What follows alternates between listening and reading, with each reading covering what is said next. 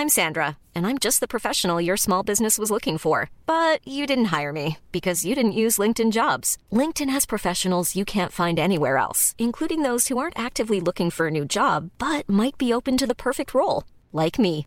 In a given month, over 70% of LinkedIn users don't visit other leading job sites. So if you're not looking on LinkedIn, you'll miss out on great candidates like Sandra. Start hiring professionals like a professional. Post your free job on linkedin.com/people today.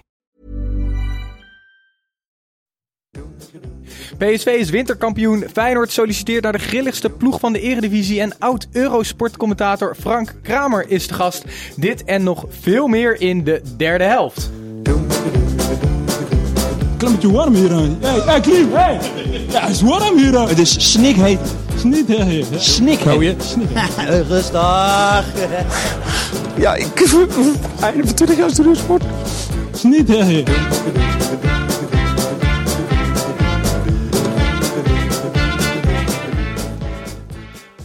Ik ben Titus en ik zit hier met mijn eh, vaste gasten Tim en Snijboon. Maar Gijs, die er niet is, heeft eh, na het eh, uitvoerig bespreken van zijn vriendin de vorige aflevering direct het vliegtuig gepakt om de schoonfamilie tijdens de kerstdagen te mijden. Wie er wel is, dat is veel belangrijker. namelijk de man die afgelopen week enorm veel media-aandacht kreeg door zijn laatste Eurosport wedstrijd het totaal niet over voetbal te hebben, maar voornamelijk over zichzelf, over het leven, over andere zaken, mooie gedichten. het is allemaal voorbij gekomen. Frank Kramer, welkom. Uh, welkom. Ja, je bent uh, profvoetballer, presentator, commentator en nog veel meer geweest. Maar in de laatste 90 minuten van, uh, van je werkende leven werd je plots het, het, gesprek van de dag. Kun je inmiddels nog wel een beetje genieten van je, van je ja, vers verdiende pensioen? Nou, ik heb natuurlijk ontzettend genoten van het afscheid. Als je ontslagen wordt, is meestal een somber aangelegenheid. Maar om deze manier ontslagen te worden, dat heeft toch ook wel zijn frisse kanten. Dus ik heb in die afgelopen, nou, week, tien dagen, heb ik het erg naar mijn zin gehad. Heel veel aandacht. En iedereen had dat gezien op een of andere manier via Twitter en Facebook. En die waren over het algemeen allemaal wel te spreken. En uh, ja, ik zelf ook. Ik had het eigenlijk niet beter kunnen doen. Nee, want uh, ik wil zo nog wel toch, ik denk dat je het al heel vaak moet vertellen, maar nog heel veel terug naar dat moment. Maar ja. afgelopen week heb je daardoor dus aandacht gekregen in uh, ja, tv, radiolandschap. Is dit de allereerste keer dat je aan een podcast meewerkt? Ja, Absoluut. Want je weet geen eens wat een podcast je is. moet goed in de microfoon praten, Frank. Ik weet, ja, maar een beetje een Ik weet uh, absoluut niet wat een uh, podcast is. Dus uh, dit is de eerste keer, 100%. Dus morgen ga je voor, waarschijnlijk voor de eerste keer een podcast luisteren? Of, hoe dat kan ik niet beloven, want ik weet niet hoe ik eraan moet komen. dat kunnen wij, daar kunnen wij ja. bij helpen. Um, maar Luister je jezelf wel eens terug? Zelden. Zelden, zelden. Ja, dat vond ik altijd een beetje een engel aangelegenheid om jezelf te luisteren. Want dan vind je altijd wel dingen niet goed en... Nou, moet je niet te veel doen, want dan ga je toch ernstig aan jezelf twijfelen. hey, maar Snijboon, uh, jij zei uh, laatst nog uh, tegen mij, ik ben, ik ben opgegroeid met, met Frank Kramer. Ja, nou kijk, toen ik jong was, als ik, toen ik terugkwam van school, keek ik altijd Eurogoals. Ja. Vond ik echt, dat was echt een van mijn, was echt een soort rondje langs de velden. Daar kwam alles in voorbij. En zoals de, sommige mensen misschien weten, ben ik fervent aanhanger van de Afrika Cup. Dat vind, vind ik het mooiste landentoernooi wat er is. Dus ja. ik, heb, ik heb veel uren doorgebracht met Frank in mijn oren. Dat is een, prachtige leerschool voor een uh, voetbalcommentator als je de Afrika Cup mag doen. Kijk, tegenwoordig is het allemaal heel simpel geworden voor de commentatoren. Maar de tijd waarin ik begon, het was zo rond 1994, toen bestond er nog geen internet. En wat gebeurde er nou? We hadden dus van die hele oude, rotte, grote commentatoren uit Engeland, Ierland, Duitsland en Frankrijk. En daar wilde hij dan wat van vragen. Vertel eens wat van die en die speler. En dat gaven ze niet, want dat was hun bezit. Want dat hadden ze door hun ervaring altijd verzameld. Dus iedereen had zijn eigen scoutingsrapport eigenlijk. Ja, en daar kwam je dus niet achter. Dus moest je tijdens die wedstrijd ontzettend improviseren, want de verhalen waren er nauwelijks. En later, het was zo ongeveer 2000, toen kwam de computer, het internet.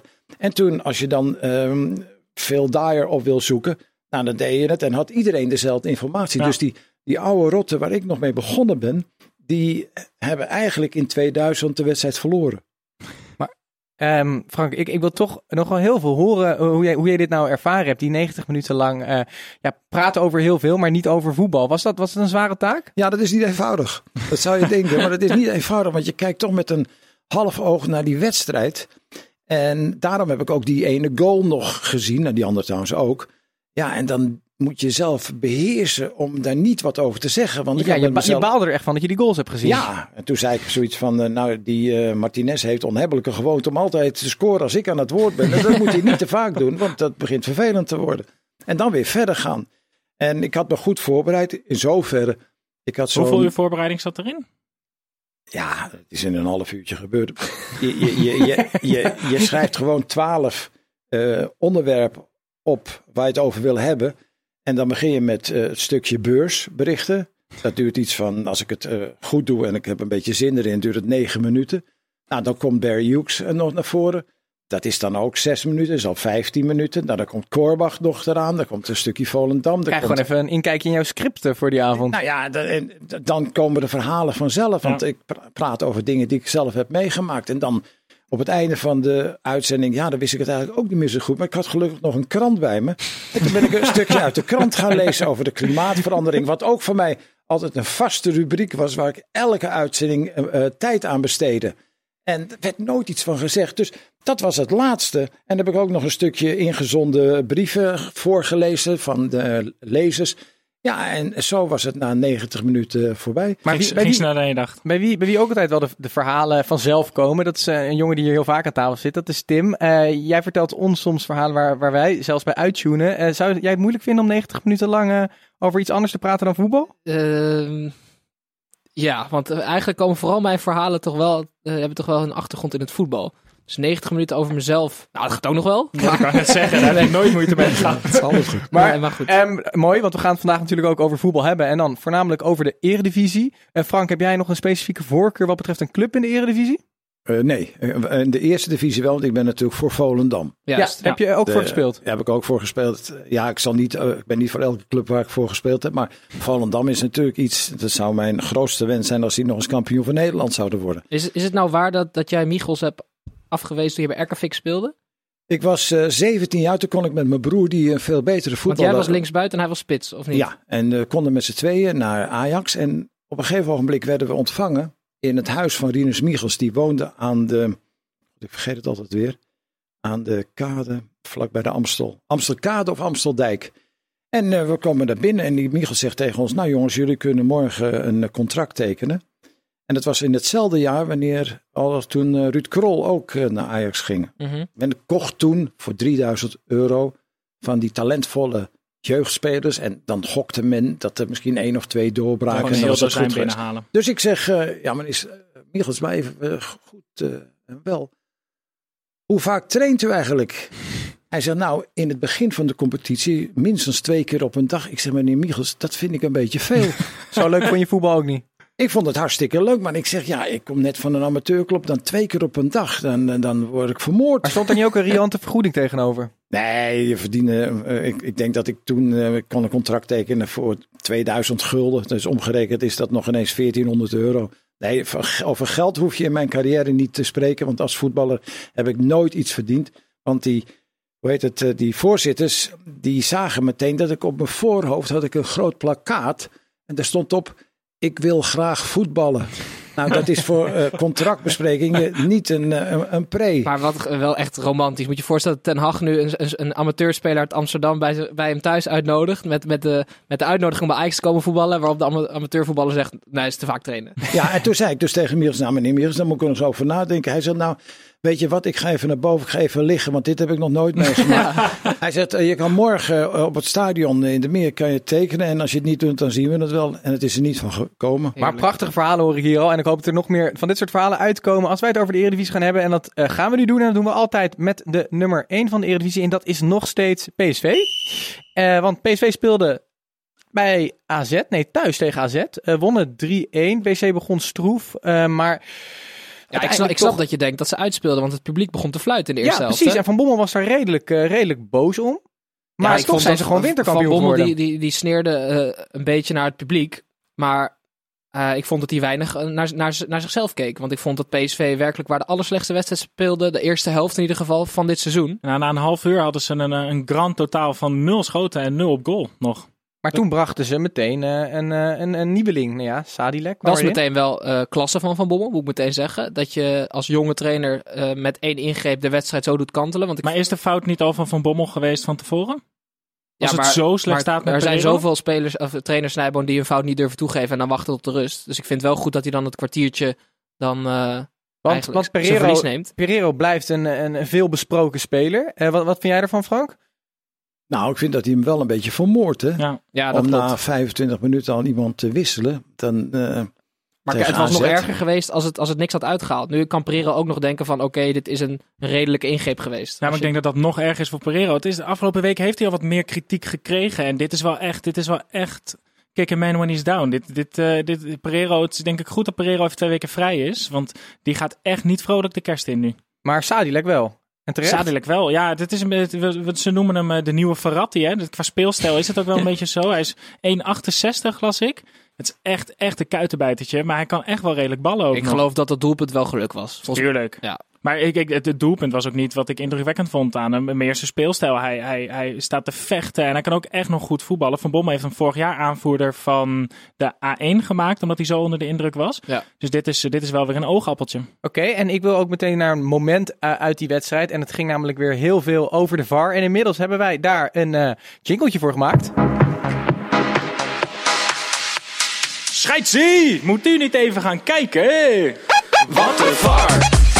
Ja, want er was een... eh, er, was een er, er- was een overtreding eh, in het eh strafschopgebied van Ron Vlaar. Ja, was er een overtreding van Ron Vlaar in het Nou, eh, heel veel mensen dachten van niet. En toen kwam de VAR. Die ging er nogmaals naar kijken. En die dacht uiteindelijk, nee, het is gewoon alsnog een penalty. Terwijl er volgens mij weinig gebeurde, Frank.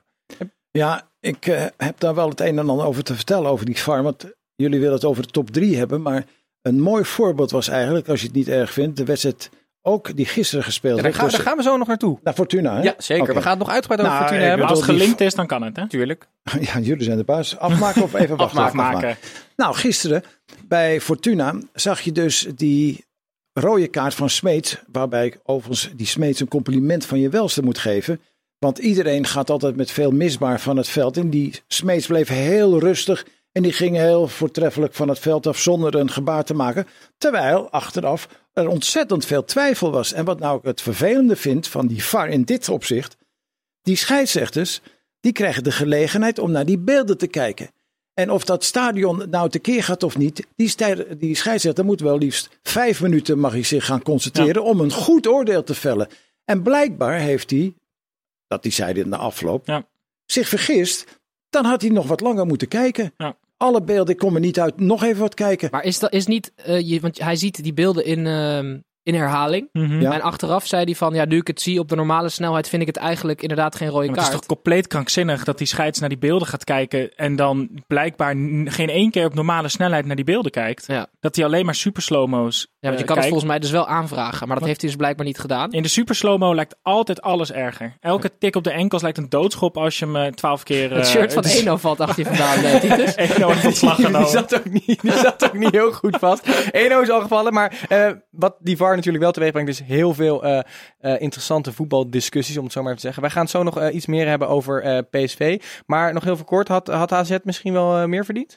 Op basis van de eerste helft op zich wel. En raakte ook nog twee keer de lat. Ehm, en Goedmundsson die nog een hele grote kans miste in de rebound. Maar ja, uiteindelijk heeft PSV het in de tweede helft wel iets beter gedaan. Maar ik denk dat de gelijkspel toch wel iets meer op de plek was geweest. En ik PSV ook- had heel veel massa dat die eerste kans tegelijk inging. Hè? Want ze zaten nog geen vijf minuten. het was echt niet eens in een die- kans. Eh, Ze zaten nog geen vijf minuten in die wedstrijd of hij lag erin. En dan staat het opeens gelijk. Plus je, krijgt, je hebt het vertrouwen dat je beter aan het spelen bent. en werd je ook zo moe van dat briefje?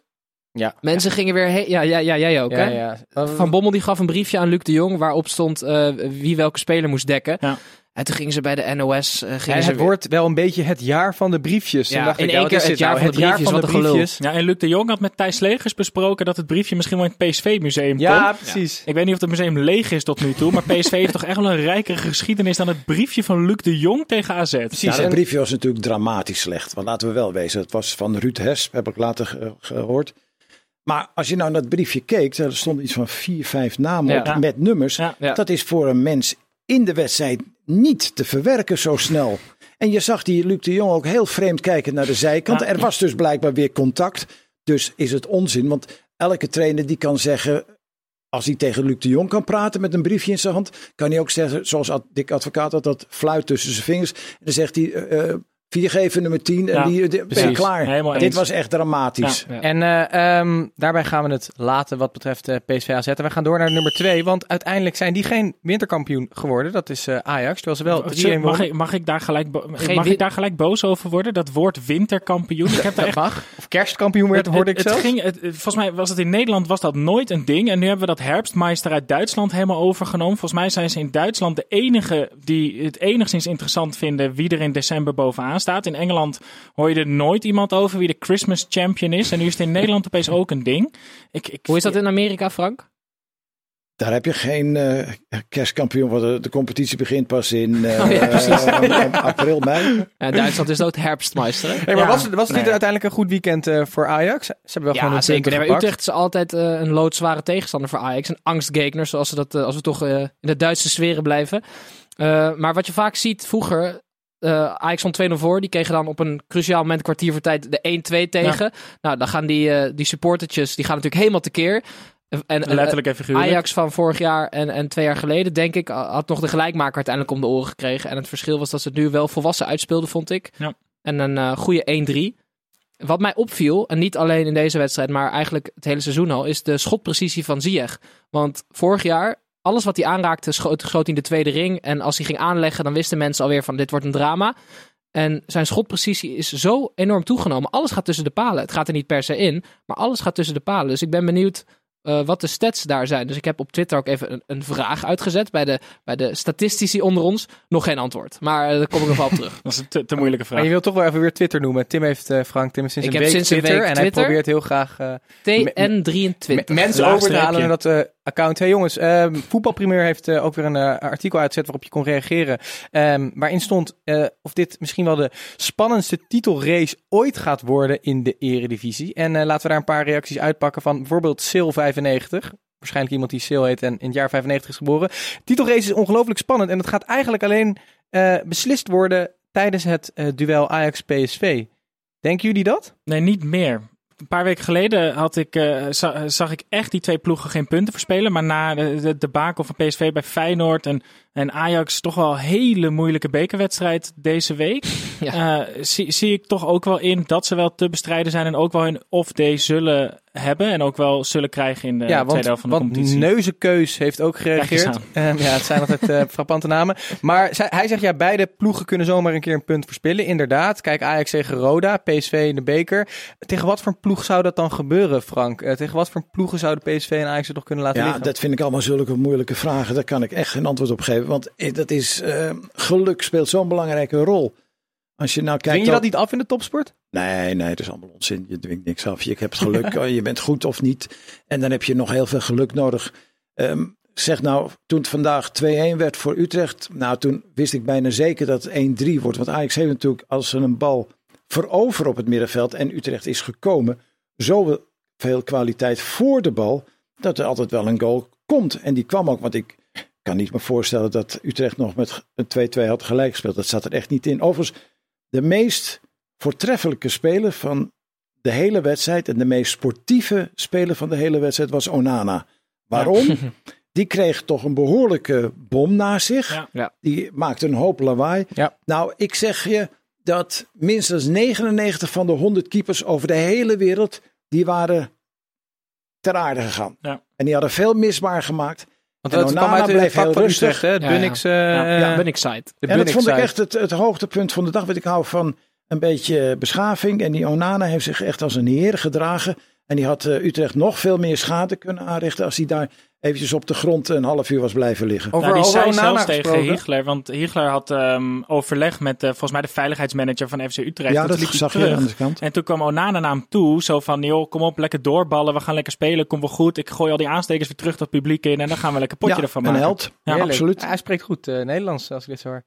Maar... eh, Even de krekels te hij of eh, Onana? Nee, Onana nee, over, beter dan ik. Over, over Onana. Ehm, ik, ik zie nog een reactie van eh, 74 Ratje. Die zegt in de winterstop gaan, gaan alle Ajax-spelers weg. En mag Ajax blij zijn dat ze nog derde worden. Nou, 74 Ratje is blijkbaar niet heel erg op de hoogte van de Eredivisie. Want zowel Overmars als Van der Sar hebben al meerdere malen kenbaar gemaakt dat er niemand weggaat. in de Gaat er ook niemand weg bij Nee, Ajax? geloof ik niet. Met dat. Champions League avontuur nog voor de deur, denk ik dat ook de goede spelers van Ajax echt wel denken... joh, ik speel me nog even in de etalage een paar wedstrijdjes... en in de zomer ben ik pleiten. Want Maurits Lambers, eindelijk een, een weer een normale naam, die zegt ja, maar misschien is het wel interessant voor eh, Ajax om iemand weg te halen bij eh, die andere titelkandidaat, PSV, om Pereiro over te nemen.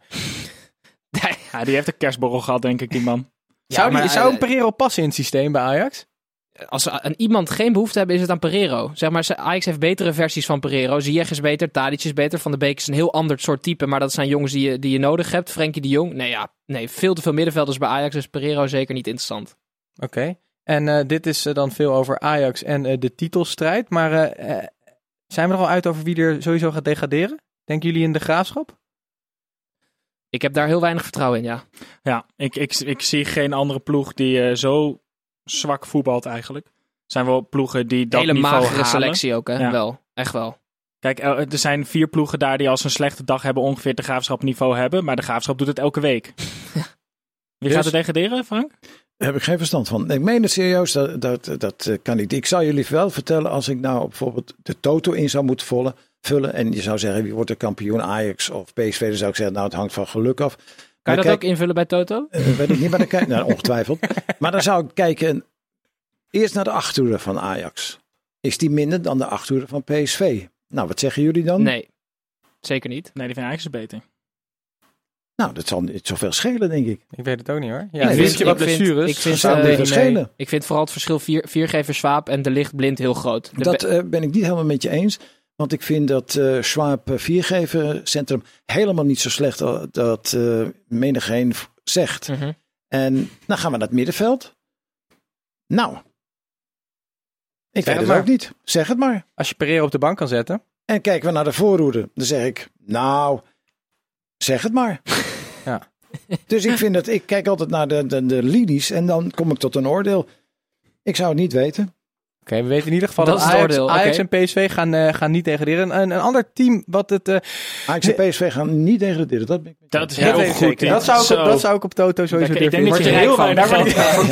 Maar wij gaan wel door naar die ploeg eh, die het al weken moeilijk heeft. eh, Feyenoord. Eh, die speelde namelijk eh, gelijk tegen ADO. En wij hebben het vaak gehad over Heracles. Dat een enorm grillige ploeg is. Maar is Feyenoord niet een beetje het nieuwe Heracles geworden? We, we, we prezen ze de hemel in na 1-11 tegen PSV. En spelen nu twee weken op rij eh, zeer, zeer matig. Ik Wat vond het we wel veelzeggend wat eh, Van Bronckhorst na de vorige competitiewedstrijd zei. Die was echt, echt heel, heel negatief. Het goede gevoel is helemaal weg. Alles wat we hebben opgebouwd de afgelopen weken hebben we weggegooid. Ja. Maar dat was zeven dagen na, eh, na een grote overwinning. Ja, Ja, maar dat was, dat was de teleurstelling. Ze hadden zo hard gewerkt om de koploper te verslaan. En dan vergooi je het. Dat was het Ja. gevoel wat Van Bronckhorst was tegen een, eh, tegen een veel kleinere club. Frank, eh El Kayati scoort, eh, scoort twee maal. Ben jij fan van hem? Nou, het is wel een heel aparte voetballer. En dat kan geen geluk meer zijn. Ook al is het vaak wel geluk. Maar in dit geval heeft die jongen wel kwaliteiten.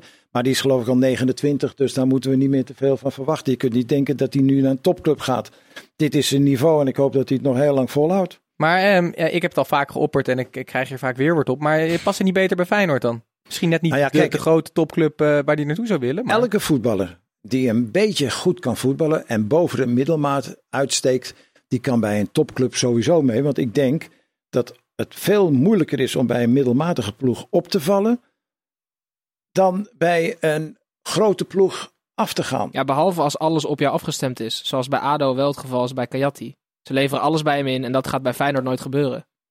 Nou, dat valt wel mee. Als hij helemaal goed is, dan krijgt hij die ballen vanzelf, Ja. geloof ik. maar hij zorgt wel voor wat reuring en wat creativiteit. Zeker. Ja, maar Ja, echt, als Feyenoord nu een 29-jarige spelmaker van ADO gaat halen. Ja. Maar dat is echt paniekvoetbal op de transfermarkt hoor. Want nu, eh, Kayati gaat nooit meer opbrengen dan wat hij nu opbrengt. Dus Feyenoord moet dan de hoofdprijs gaan betalen voor een 29-jarige. En, en onze vriend Martin van Geel kennende gaat hij dat zeker niet doen. Nee, ze moeten ook nog een nieuw stadion bouwen. Dus ik, ik gok niet dat ze heel veel miljoenen aan Kayati eh, gaan uitgeven. Moet Feyenoord nog eh, bang zijn om de derde plek te verliezen in het tweede seizoen zelf? Ik zou denken dat het, het algehele niveau van Feyenoord hoger is dan dat van de achtervolgers. Dus dat zij het wel gewoon halen om derde te worden. Ik gok wel dat zij een hele grijze tweede seizoenshelft tegemoet gaan. Ja, dat denk ik ook. Omdat er natuurlijk weinig meer is om voor te spelen. Ja. Waar, waar moeten zij nu de, de impulsen vandaan halen? Heel irritant woord, sorry. Maar eh, ge- ja, thuis, wel weer thuis in de beker. Dat wel. Dat wel een hoogtepuntje. Maar, ze, ze zeggen dan vaak van de, de beker is, nog, is de enige reden voor Feyenoord om nog iets van het seizoen te maken. Of de enige manier. Maar dat is toch ook wel een beetje sneu. Tapia had zijn broer gestuurd, hè, trouwens. Was hij goed? Ja, die, was, eh, die speelde echt geen slechte pot op de plek van Klaasie. Maar niet goed genoeg, want uiteindelijk wordt het, eh, wordt het maar eh, één punt mee naar Rotterdam. Maar gaat ADO dan wel een rooskleurige tweede seizoen zelf tegemoet? Was dit ook gewoon goed werk van ADO?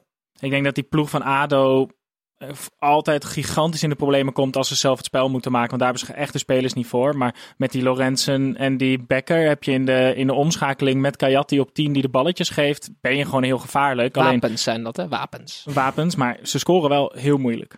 Ik, eh ben- Nee, dus ik bij ADO wel een plekje nieuwe 12, spits 13 nodig, of zo voor ADO. Toch niet heel veel hoger, maar ook niet heel veel lager, denk Nee. ik. Maar dat is voor ADO denk ik eh, prima. Het was gewoon een, een uitschieter deze zondag. Denk ik wel. Oké, eh, laten wij doorgaan naar eh, de wedstrijd waar wij altijd om dobbelen, die volledig willekeurig wordt gekozen en door ons wordt omgedoopt tot de wedstrijd van de week. Hey, ja, la, la, la, la, la, la, la, la. wedstrijd van de week, van, van de week, wedstrijd van de week. Ja, deze is eh, vorige week aangedragen door onze producer. FCM tegen Willem II. Het werd uiteindelijk 0-2. En het ging vooral veel over Frans Sol, hè? Snijboon? Ja, nou, ik, ik heb ging eigenlijk vooral maar- veel over die vier spelers. Die heb- vier Duitse jongens. Ik heb eerst een Eerst andere vraag even- oh, namelijk. Want eh, ik heb aan, aan Frank ben ik wel benieuwd. Dat, dit zijn niet in principe de wedstrijden waar je heel blij van wordt als commentator, denk ik. Of zie ik dat helemaal verkeerd? Je wordt eh, van elke wedstrijd blij. Ook Ja? al is hij nog zo slecht, want dan moet je het er maar een beetje jouw taak is ga je gewoon over wat anders hebben, toch? Nee, nee, dan is je taak om er iets beters van te maken. En dan moet je ook een beetje. eh, ja, zijn dan de trucjes daarvoor? Nou, zijwegen inslaan. Dan kan je wel eh, zeggen, ga je een mooie eh, zin uitspreken. Dat, eh, ja, ik kan het zo snel niet bedenken. Maar, maar, maar Siert de Vos neemt vaak van dit soort zijwegen. Ja. Vind je hem een goede commentator? Nou, ik vind dat wel leuk. Vind ik wel leuk. Ja, maar het heeft hij zich verworven. Het is niet makkelijk om eh, zijpaden te bewandelen, want je wordt zo afgemaakt in Nederland. En hij heeft dat toch voor elkaar gekregen dat mensen dat vanzelfsprekend vinden. En die zitten, zijn fans wachten er nog op tot hij weer een restaurant noemt. Ja, nee, dat vind ik toch wel een verdienste. Ja, absoluut. Maar behoeft zo'n wedstrijd dan ook veel meer eh, voorbereiding van een commentator? Omdat je weet dat er waarschijnlijk minder gaat gebeuren? Zijn er Nou ja, wedstrijden kijk, die worden ik- zo leuk dat je denkt, joh, die wedstrijd begint en het komt wel goed? Kijk, een commentator heeft natuurlijk, zeker wat ik heb gedaan in de Amerikaanse competitie. Je weet inmiddels na een maand ken je alle spelers. Want het zijn vaak dezelfde ploegen die terugkomen. Nou, en dan weet je wel wat er gebeurt. En dan weet je ook wel welke spelers eh, goed zijn, welke wat minder zijn, waar je op moet letten. Nou, en dan kan je dat wel op de automatische piloot. En dan mag je nog zelf eh, zeggen wat je er nog bij kunt bedenken. Dus daar kom je als commentator wel uit. Ja. Maar als het een slechte wedstrijd is, de kunst van de commentator om er toch nog iets spannends van te maken. Een doodvonnis is als je elke keer maar roept als commentator. Wat een kutpartij is dit, of wat is dit slecht, wat een Dan, dan zet dramatisch. iedereen weg. Ja, dat kan niet. Dat kan Nee. niet. Je moet dat. ehm, Maar één heel, heel spannend eh, eh, verhaal rondom deze wedstrijd. Dat ging over die Ja. vier jongens. Daar wil ik zo naartoe, want ik wil echt eerst mijn vraag even afmaken over Frans Eh, gaat deze jongen hoger op? Eigenlijk zelfs het Ja, het verhaal was wel echt een mooi, eigenlijk een mooi kerstverhaal. Hè? Frans Sol, die volgens mij vorig jaar gediagnosticeerd werd met, een, eh met tilbalkanker. En die heeft nu uh, gisternacht is zijn vrouw bevallen, zonder dat ze ooit hadden verwacht dat hij nog vader zou worden, van zijn eerste kind. En hij scoorde ook meteen. Dus vlak voor de winterstop vind ik dat toch een mooi Ja, kerstverhaal. dat is mooi. Ja. Prachtig. Maar Frans Sol gaat denk ik op dit moment alleen maar... Die is in de zomer bij Willem II gebleven omdat hij niet weer naar het buitenland wilde en het zo naar zijn zin had. Ik denk dat hij alleen weggaat als er een Nederlandse club komt. Want ik kan me niet voorstellen dat hij met een kind van twee weken Ik denk dat hij wel naar Spanje gaat. wil. Denk je? Als er, als Maar er la- laat zeggen, het zou een Nederlandse club zijn. Bij welke club zou hij leuk passen? AZ 100% in plaats van Johnson. Hebben die het Sol geld daar veel nu? beter. Ja, die hebben voor vermogen verkocht Ja, deze, deze zomer. Als ze een beetje durven bij AZ, dan moeten ze Sol nemen. Voor hoeveel hebben ze Johnson eh, aangetrokken? Volgens mij was dat eh Niet heel veel, toch? 2 miljoen of Ja, zo. zoiets. Echt een bescheiden Nog bedrag. steeds te En, veel. en, en hoeveel zou je Ja, betalen voor Frans Sol? Ik denk eh 9. Ja? Tegenwoordig? Als Willem II 9 miljoen krijgt, plus ze krijgen nog eh 7 miljoen voor, Frenkie Frenkie de Jong, dan bouwt hij ook een nieuw stadion deze Dan kopen ze. Sol weer terug. ja. Oké, nu dat verhaal van die jongens die mochten, me- mochten meespelen. Ja, Wat is daar gebeurd? Ik schakelde in bij de wedstrijd van de week FCM en Willem II. En het eerste wat ik hoor is dat er vier Duitse spelers van Willem II disciplinair geschorst zijn. Het verhaal doet nu de ronde dat, daar komen ze, Wellenreuter, de keeper, Afdijay, de vleugelflitser, Thomas Meissner, de verdediger achterin en Akainak, de middenvelder. Dus eigenlijk in, in alle linies één. Die vier Duitsers schijnen gisteravond, want ze waren al naar Emmen gegaan eh, met het hele elftal, dat ze naar Club Index zijn geweest in Duitsland. Want ze zijn dus met de bus gegaan of zoiets dergelijks naar een club daar. En, eh, en die hebben het laat gemaakt. Dat, eh, dat is wat, wat, wat de geruchten zeggen. En hoe, hoe, hoe komt, hoe komt zo'n coach daar dan achter? Is het, dat, dat, dat ze de avond Waarschijnlijk kwamen ze binnen toen Adriaan aan het ontbijt zat. Toch? Nee, ik ben er altijd wel benieuwd naar. En, en, dan- Ik heb geen idee. en dan bepaal je ook nog eens om vier spelers te schorsen. Ik vind dat best wel een eh, gedurfde keuze. Het heeft goed uitgepakt, hè? Dat ook nog Als je de vier schorst en je wint 2-0, dan, eh, dan heb je als coach wel een stok om mee te slaan. Maar de volgende drie wedstrijden moet je maar afwachten Ja, natuurlijk. dat is waar. Gelukkig is de winterstop. Ja. Dus stevig praten bij Willem Maar ze zaten met z'n vieren heel schuldbewust eh, als vier kleine kleutertjes op de tribune. Heel, eh, die hadden ook echt getraind op hun sippe gezicht. Die keken alleen maar heel Ja. zielig voor zich uit de hele Maar wedstrijd. echt een beetje een walk of shame toen zij dat stadion binnenkwamen. Ja. Alle camera's erop en die jongens in lange jassen. Ze waren ook nog echt aan het zoeken naar plekjes op de tribune. Dat was ook sneu. Ja, ze waren nog een beetje Hey, brak maar we, we waarschijnlijk. hebben het heel veel over Willem II gehad. Eh, nog even terugpakken naar FC Emmen. En nu even een wat mindere dag, maar uiteindelijk een leuke ploeg in de Eredivisie, toch, Snijbo? Emma heeft een uitstekende... Sorry, ik heet geen snijber, maar Emma heeft een uitstekende eerste seizoen zelf gehad. toch? 17 punten uit 17 wedstrijden. En er is een, een vuistregel. Als je 34 punten haalt, dan ben je veilig. Dus als die precies de tweede seizoenshelft draaiden zoals de eerste seizoenshelft... dan eh, hebben we Emmen volgend jaar ook weer in de Eredivisie. Had je dat eh, verwacht, Frank? Dat Emmen het zo leuk zou doen? Absoluut niet. Ik weet er niks van. Ik, ik, toen die jongens eh, begonnen in de Eredivisie, ik, ik kende nog geen twee spelers. Nee. En eh, ze hadden een matige keeper. Maar ik heb hem af en toe nog wel een paar knappe ballen uit het doel zien halen ook. Dus ik denk, ook daarvoor geldt allemaal een beetje de tijd te krijgen. En Maar, hoop je dan ook op zo'n sprookje voor Volendam als je dit ziet gebeuren? Ja, dat zijn altijd moeilijke zaken. Hè. Het is zo lastig om eh, uit die eerste divisie te komen, de keukenkampioen divisie. Want je hebt nu Twente, je hebt nu NEC. Nou, NEC dat valt dan een beetje weg. Roda valt ook weg. Je hebt Sparta, je hebt Den Bosch. Ja, omdat daar ook geld opeens beschikbaar is. En je Ja. ziet op dat niveau drie, vier veel betere spelers dan het gemiddelde. En je komt zomaar tot de, de top. En dan heb ik nog iemand vergeten. Maar als jij van, eh, als jij van Eurosport eh, 100 miljoen had meegekregen, had je dat dan misschien wel gestopt in Volendam om die naar de Nee, had ik in mijn eigen zak gestoken. Zo erg is hij ook weer niet. Het is? Hey, Oké, ik dacht misschien je ga het je toch wel eens een naar Volendam? En, eh, ja, kijken? wij, eh, nou kijken, ja ook. Maar ik zit natuurlijk elke woensdag, of zit, ik speel elke woensdag met eh, zeg maar de 60-plussers, spelen wij het zogenaamde walking football. Oh ja. En dan mag je dus, Dat doet Snijboon ook. ja, dat is leuk Als hoor. enige op het veld alleen. Ja, dan mag je niet meer eh, hardlopen, te kunnen de meesten ook niet. Of, eh, en dan is het zo dat, eh, ja, als je iets versnelt, dan wordt afgefloten, want dan ben je aan het hardlopen. En dat, is hartstikke heerlijk. leuk. Oh, Maar krijg- je dan een soort snelwandelen of gaat het echt puur op snelheid? Nee, niet op nee je mag echt, het moet alleen op techniek gaan. Want, en passeren kan eigenlijk niet. Want als je passeert, in 9 van de 10 gevallen loop je dan een beetje hard. Moet je wel en een hele goede schijnbeweging. Ja. Maar mag je hier ook aan meedoen als je 26 bent? Want dit klinkt, dit Nee, klinkt nee echt dat mag absoluut niet. Oh. Nee.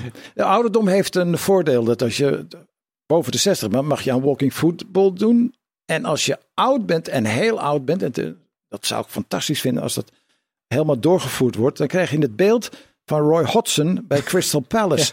Die is zo oud, die kan nooit weggestuurd worden. Want die haalt eh, dat stukje van zijn bank buiten het vak haalt hij niet. Oh, ik, vind het Dus- altijd... En dat vind ik nou een toonbeeld voor zou het moeten zijn. Als ik trainer was, nou ik ben vroeger trainer geweest, maar goed, als ik trainer nu was van zo'n grote club, ik ging gewoon op de bank zitten en ik ging af en toe riep ik wat tegen Jan dat hij niet te ver naar voren moet en dat Kees wat korter moet dikken. En dan eh, verder eh, was het goed zo. Geen briefjes, hè? Maar die Roy Hodgson, nou ja, die briefjes, ik zal er nog één ding over zeggen. Ik ben vroeger eh, leraar geweest op, op de school. En wij gebruikten een briefje. En dan zei ik tegen Kees Jan, zeg Kees Jan, ga je even naar juffrouw De Bruin en geef dit briefje even. Want er was of de vergadering was een half uur later of, Of je had zin in of, je vond die, of je vond die juffrouw De Bruin leuk. En daarmee was het, dat is de enige manier waarop een briefje gebruikt mag worden.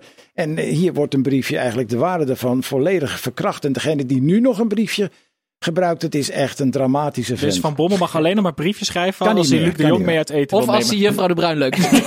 Ja. Jongens, dit zijn of, al- hij, of hij moet op dat briefje zetten eronder en twee flessen melk en een pak soda. Ja, precies. Hey, jongens, dit zijn hele leuke verhalen. Eh, we gaan naar nog meer leuke verhalen van eh, buiten de velden. Want we gaan eh, namelijk eh, naar buitenspel.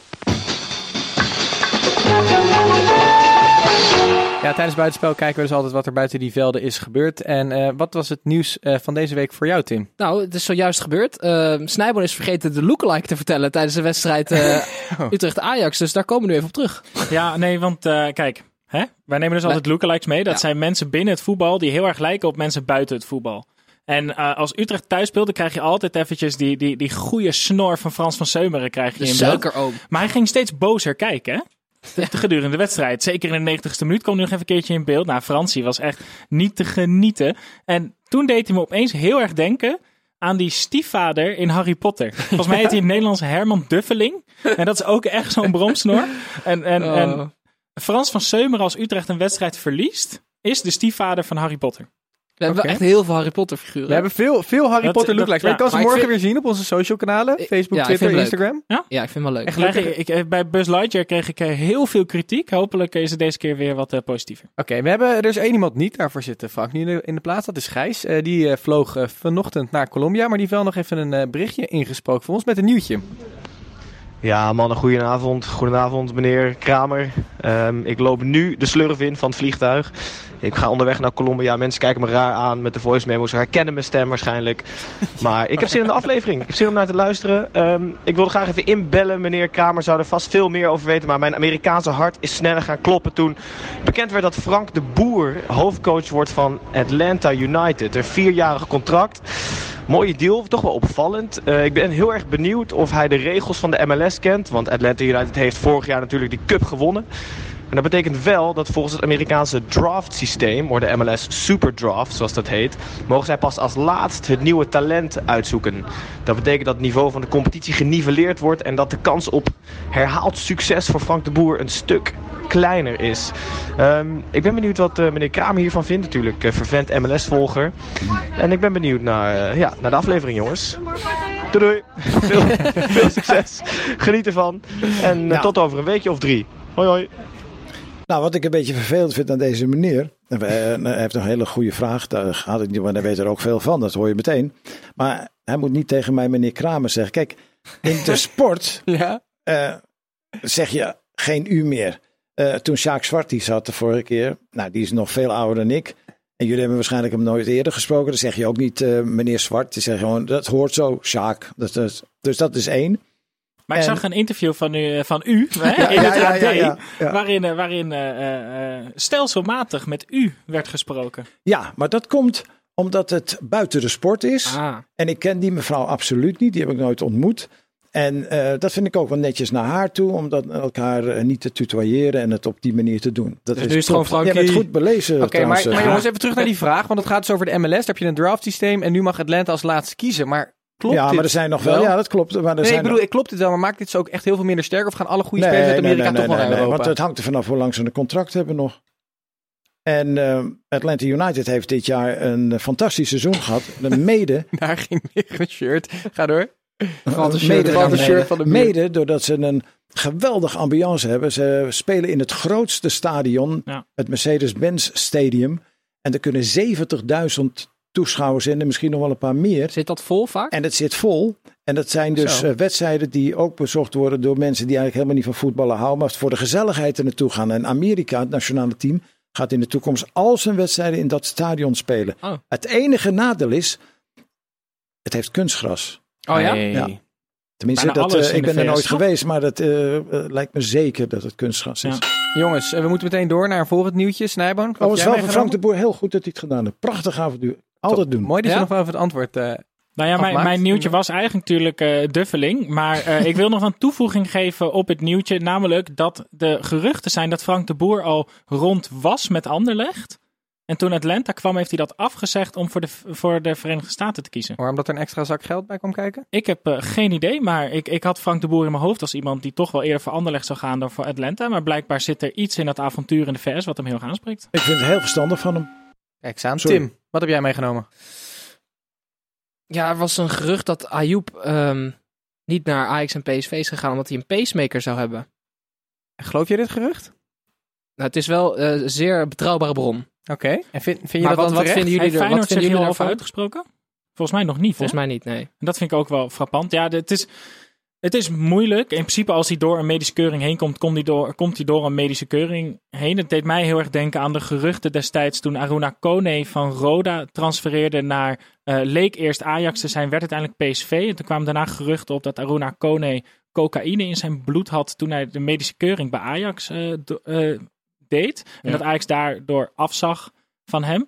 Met een pacemaker lijkt het mij toch dat als je gewoon door de medische keuring komt, kom je er doorheen. En ik kan me niet voorstellen dat de medische Het keuring... lijkt mij ook niet een, een zwaarwegend argument uiteindelijk, toch? Niet het doorslaggevende. Het gaat natuurlijk om... Kijk, als het een fantastische voetballer was geweest... Ja. Als het Lozano bijvoorbeeld was geweest met een pacemaker... hadden ze hem ook wel genomen, denk Ja, ik. misschien zijn ze, waren ze bij Ajax een beetje angstig. Oké jongens, dat was het eh, voor het nieuws wat buiten de velden is gebeurd. Laten wij weer terugpakken naar de eredivisie. Alle overige wedstrijden nog vluchtig doornemen. Om te beginnen bij eh, Fortuna Sittard eh, tegen FC Groningen. Nee, Werd kunnen we 0-0. door? We kunnen door. Want we hebben de belangrijkste wedstrijd van Groningen Fortuna hebben we al, van Fortuna Groningen hebben Maar we al is het behandeld. trouwens de Die VAR. allereerste keer dat de scheidsrechter ehm, een fout maakt met de VAR? Is dat Nee. een primeur? Nee, er was er Ja. ook al eerder eentje. Die nou, is ook, eh, sowieso al geweest bij ja. eh, Sparta Emmen in de nacompetitie van, eh, Ja. van, van Maar- Sparta. maar- maar Want de advocaat heeft zijn eredivisieschap daarmee Ja. verloren. eens. Maar misschien nog heel leuk om ook even, net zoals net bij FCM, Fortuna Sittard ook gewoon een heel, heel aardig seizoen aan het Heel goed. Ja, chapeau voor die twee promovendi. Want die, die spelen ook nog eens echt leuk voetbal. Dat is geen hotse knotse begonia. We rammen hem onderkant vliegtuig naar voren. En Ze daarnaast, proberen het echt allebei. Sittard eh, dat, eh, dat ja, bijna eh, er niet meer was een aantal jaar geleden. En nu gewoon weer op volle toeren meedraait. Prachtig. Maar inderdaad, we gaan door. NAC tegen Heerenveen. Oh, dit was oh, wel een oh, wedstrijd. oh, nee, ja, dit, dit was de Zes zaterdag goals, amateurs. drie rode kaarten, drie punten voor NAC. Nieuw dieptepunt voor Heerenveen. ik was aan het kijken naar die wedstrijd. En dit was gewoon zaterdag 3 tegen zondag 5. En, en die, en die eh, Lee, die Gregory Lee volgens mij, De is, is daar de NAC. belichaming van. Die jongen die kan er helemaal niks van. Maar die, de fans vinden hem fantastisch. Elke keer als hij in de bal komt is het Lee, Lee, Lee. Hij stoomt naar voren. Hij heeft weer vijf longen. Die gozer die schiet alles naar voren. En eh, gewoon blinde voorzetten. Die worden toevallig aangeraakt door de tegenstander. Komt voor de voeten van, van Mitchell tevreden. En die schiet er een paar in. Maar dat is de Eredivisie. Het is schitterend. Het was een verschrikkelijk niveau, maar wel heel vermakelijk. En een, zeer rood gekleurd Herenveen was eigenlijk niet heel veel aan. Ik vond trouwens wel dat ehm NAC rood had moeten hebben en Vlap een penalty had moeten krijgen. Dat vond Nee, ik echt heel penalty. Het was raar. wel een vrij trap, maar het was wel een rode kaart. Hij was er buiten. er buiten? Ja, maar hij duwt hem wel gewoon in zijn rug. En eh Flap reageerde zelf op Twitter met eh, hier kun je niet tegen aanvoetballen. Ja. Nou, vul zelf maar in wat Jij bent fan van hem op Twitter. Ik ben een groot fan. En ook niet alleen op Twitter. Twitter, maar ook op het veld. Jongens, wij gaan door en we gaan eh, door naar eh, Tim, want die heeft voor ons weer een beetje meegenomen wat wij niet willen weten. een weetje. Dat je niet wilt weten.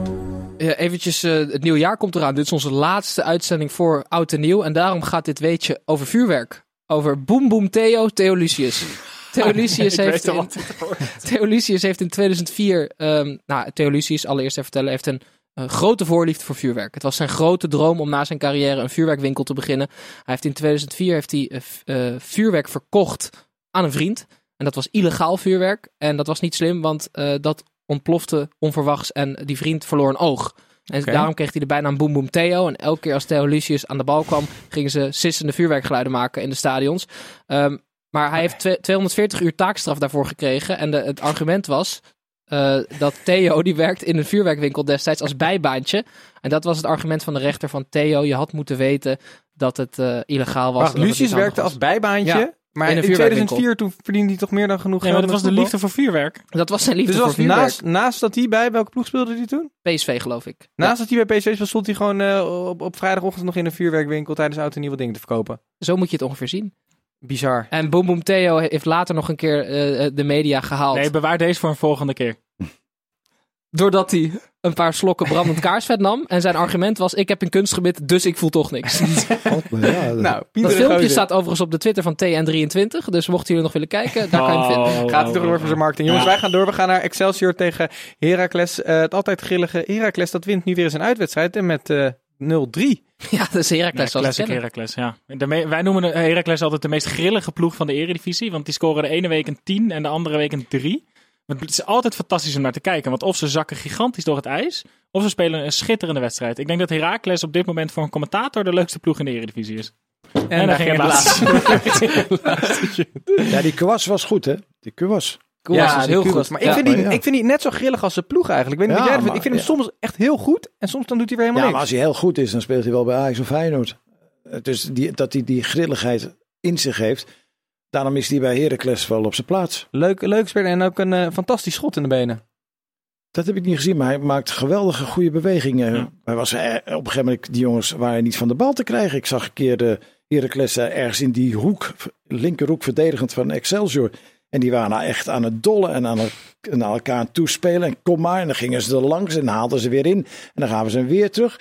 Dat waren mooie momenten. Ik denk dat Excelsior kansloos was. En nog één keer, die blonde jongen, Die Van kwam- Excelsior? Van Excelsior. Omerson. Jezus, Mina zegt, die kwam maar voor de keeper. En er staat er eentje voor een, bijna een leeg doel. En Twee, dan gaat hij twee zelf keer had hij schieten. dit. Nou ja, dan is het einde wedstrijd. Hè? Ja. Dan stop je ermee. Omerson is een spits die kan scoren. En daar heb je altijd heel weinig aan. Maar hij wil heel graag scoren. En als hij hem eh, twee keer had afgelegd, dan had Ja, hij Nee, maar hij kiest dus continu verkeerd. Want de eerste keer schiet hij terwijl hij hem af moet geven. En de tweede keer moet hij schieten en geeft hij hem dan af omdat hij de keer daarvoor al heeft geschoten. Hm. En dan ben je gewoon een hele slechte spits. Oké, jongens, eh, wij gaan door naar een andere wedstrijd. Dat is VVV tegen eh PEC. En VVV wil met 2-0 in de eerste wedstrijd eh, zonder van het schip. Waar dus ook werd verloren. Is die gifbeker helemaal leeg bij PEC Zwolle? Nee, duidelijk niet, want ze hebben weer verloren. Mag ik, eh, mag ik iets moois voorlezen? De reactie van Bram van Polen na de wedstrijd. Bram Graag. van Polen heeft een heel lang half jaar gehad. Een heel lang jaar eigenlijk. Eh, Bram van Polen werd geïnterviewd en zei: Ik ben blij dat het winterstop is, want ik ben helemaal klaar met dat geile tyfusvoetbal. We hebben weer een kutweek gehad. Het is gewoon een kutseizoen. Kut 2018. Ik ben blij dat het voorbij is. Dit heeft hij bij de camera van Fox gewoon gezegd. Ja. Ja. Nou ja, dit, dit, is, dit is wel smaakmakende televisie Het is dan. toch heerlijk. Hij was gewoon echt helemaal klaar mee. Spraakmakende. Niet smaakmakend. Ook smaakmakend. Ook smaakmakende televisie. Ik dacht, dat ik, dat, ik dacht dat ik dat zei. Maar jongens, laten we maar snel doorgaan naar de volgende wedstrijd. De Graafschap tegen Vitesse, 2-2. Willen we daar nog wat eh, over vinden? Of eh, zijn, we, zijn we er wel? Ik, eh, ik, ik heb weer genoten van Sloetski. Die loopt een kilometer of 15 elke wedstrijd. Ja, dat is goed. Die, Goed mannetje. eh, vroeger had je Dagobert Duck. Die liep zo rondjes door zijn kluis. En dan werd dat zo'n groef die steeds dieper werd. Dat is een beetje Sloetski in Frank, zijn... is jouw, is jouw Volendam beter dan de Graafschap? Nou, dat zal nog niet zoveel verschillen. Het hangt ook weer van de vorm van de dag af. En het hangt wel af van wat voor trainers ze hebben, merk ik steeds meer. Ik las laatst een interview met Virgil van Dijk. En die sprak over die klop, zeer lovend. En waar ging het nou om? Dat die man zo innemend was. En dat hij zo aardig was ook voor die spelers. En ook gemeend aardig was voor die spelers. En ze de volgende dag weer vreselijk op hun donder kon geven. En dat deed me een beetje terugdenken aan Frits Korbach. Die had dat ook. Die kon heel goed met je omgaan. Maar hij was spijkerhard als het nodig was. En ik denk dat die trainers dat allemaal veel meer zouden moeten hebben. Maar ja, als je natuurlijk helemaal geen materiaal hebt. Ja, dan kan je nog zo aardig zijn. Maar dan houdt dat ook op natuurlijk. Ja. beter maar is dat, is dat de rol van de coach? eh, Ja, steeds jij? meer. Het- Ja, het- steeds meer meer. people manager. People manager, ja. Want Ja. ik bedoel, eh, iedereen kan over het algemeen wel uitzoeken welke spelers ze nodig hebben. En dan heb je nog een heel batterij aan scouts en assistenten die je dan even helpen. Dat je op die linkerpositie gaan ze naar een boek en dan zeggen ze, nou we hebben er ongeveer nog vier. Die kun je nemen en kijk maar eens eh, wat je er zelf van vindt en wat ze kosten. En dan eh, ben je klaar. Dus daar zit het niet in. Het gaat erom om iemand te stimuleren en een beetje empathisch vermogen van de coach naar zijn spelers. En wie in de Eredivisie beheerst dat? Het best? Nou, hoe gek het ook klinkt, ik denk dat die Ten Hag dat wel een beetje heeft op een of andere manier. Die zou dat wel willen. Terwijl ik vond, die keizer had dat ook wel. Ik had keizer nooit weggedaan. Vond het heel onbehoorlijk.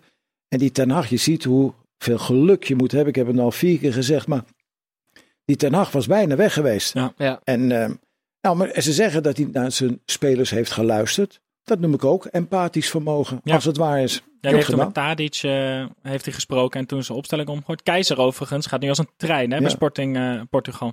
Jongens, we naderen het einde van de aflevering. En op de valreep peilen wij wekelijks onze voorspellingen die eigenlijk altijd juist zijn en zo niet. Dan noemen wij Vermoeden dat. van Max Fitching, moet wel zeggen vermoeden. Want ik heb daar geen bewijs voor natuurlijk. Ehm, nou, nu willen wij weer een eh, voorspelling eh, de wereld in helpen. En eh, net met deze transferperiode voor de boeg misschien leuk. Wat gaat, wat gaat de allergrootste transfer worden deze winter in de Eredivisie?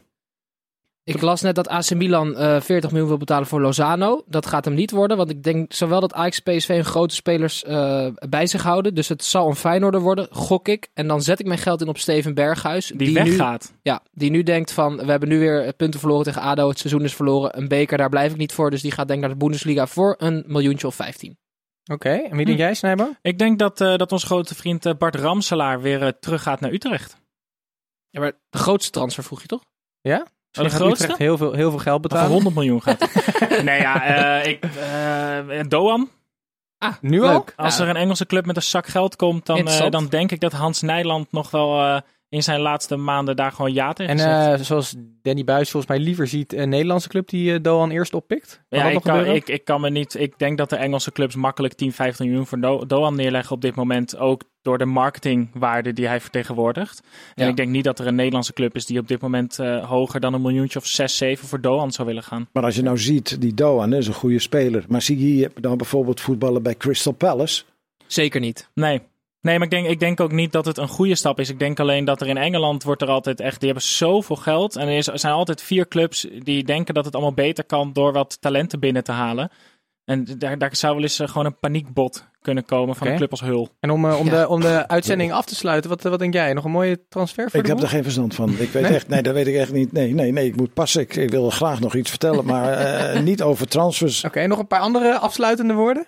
Nou, zalig pa, zalig zalig kerstfeest allemaal. Oké, nee, top. Nee, dan gaan we het, eh, dan gaan we het daarbij laten. En eh, wij zijn er voor het eerst sinds het eh, opstarten van de derde helft tijdens deze Eredivisie een weekje niet. Wij slapen met kerst wat, wat langer uit en zitten niet in deze studio. Wij zijn er pas weer de 6e van januari. Eh, dus eh, dan gaan wij het uitgebreid hebben over de transferperiode. Gaan we terugblikken op, het, eh, op de eerste seizoenshelft. En natuurlijk ook vooruitblikken op wat er nog komen gaat. Dit was voor nu. Je kunt ons vinden op Apple Podcasts, Spotify, Stitcher en ga zo maar door. En natuurlijk die social media kanalen. Niet alleen TN23 waar Tim op Twitter zit, maar ons eigen Twitter kanaal, ons eigen Facebook kanaal en natuurlijk de Instagram waar je ook de lookalike kan vinden en alle andere onnodige achtergrondinformatie. Mijn slotwoorden, hartstikke bedankt Frank Kamer. Enorm leuk dat je er was. Graag En, gedaan. Ja, Goed programma. Ik wil Dankjewel, nog, ik wil nog dankjewel. Ik voel pleiten me, eh, ik voel me over... bijna nergens op mijn gemak, maar hier wel. Er moet, is een er moet jongens. even een radiostation komen wat Frank gewoon de kans geeft om gewoon één keer per week of twee keer per week echt alleen maar schitterende verhalen uit te doen. Vind je het erg als ik hiermee mijn eh, loopbaan op de radio afsluit? Nou, ja, ik zou dat dus wel erg vinden, maar ik snap het wel. jongens, wij sluiten in ieder geval deze uitzending af. Hartstikke bedankt en eh, tot over twee weken.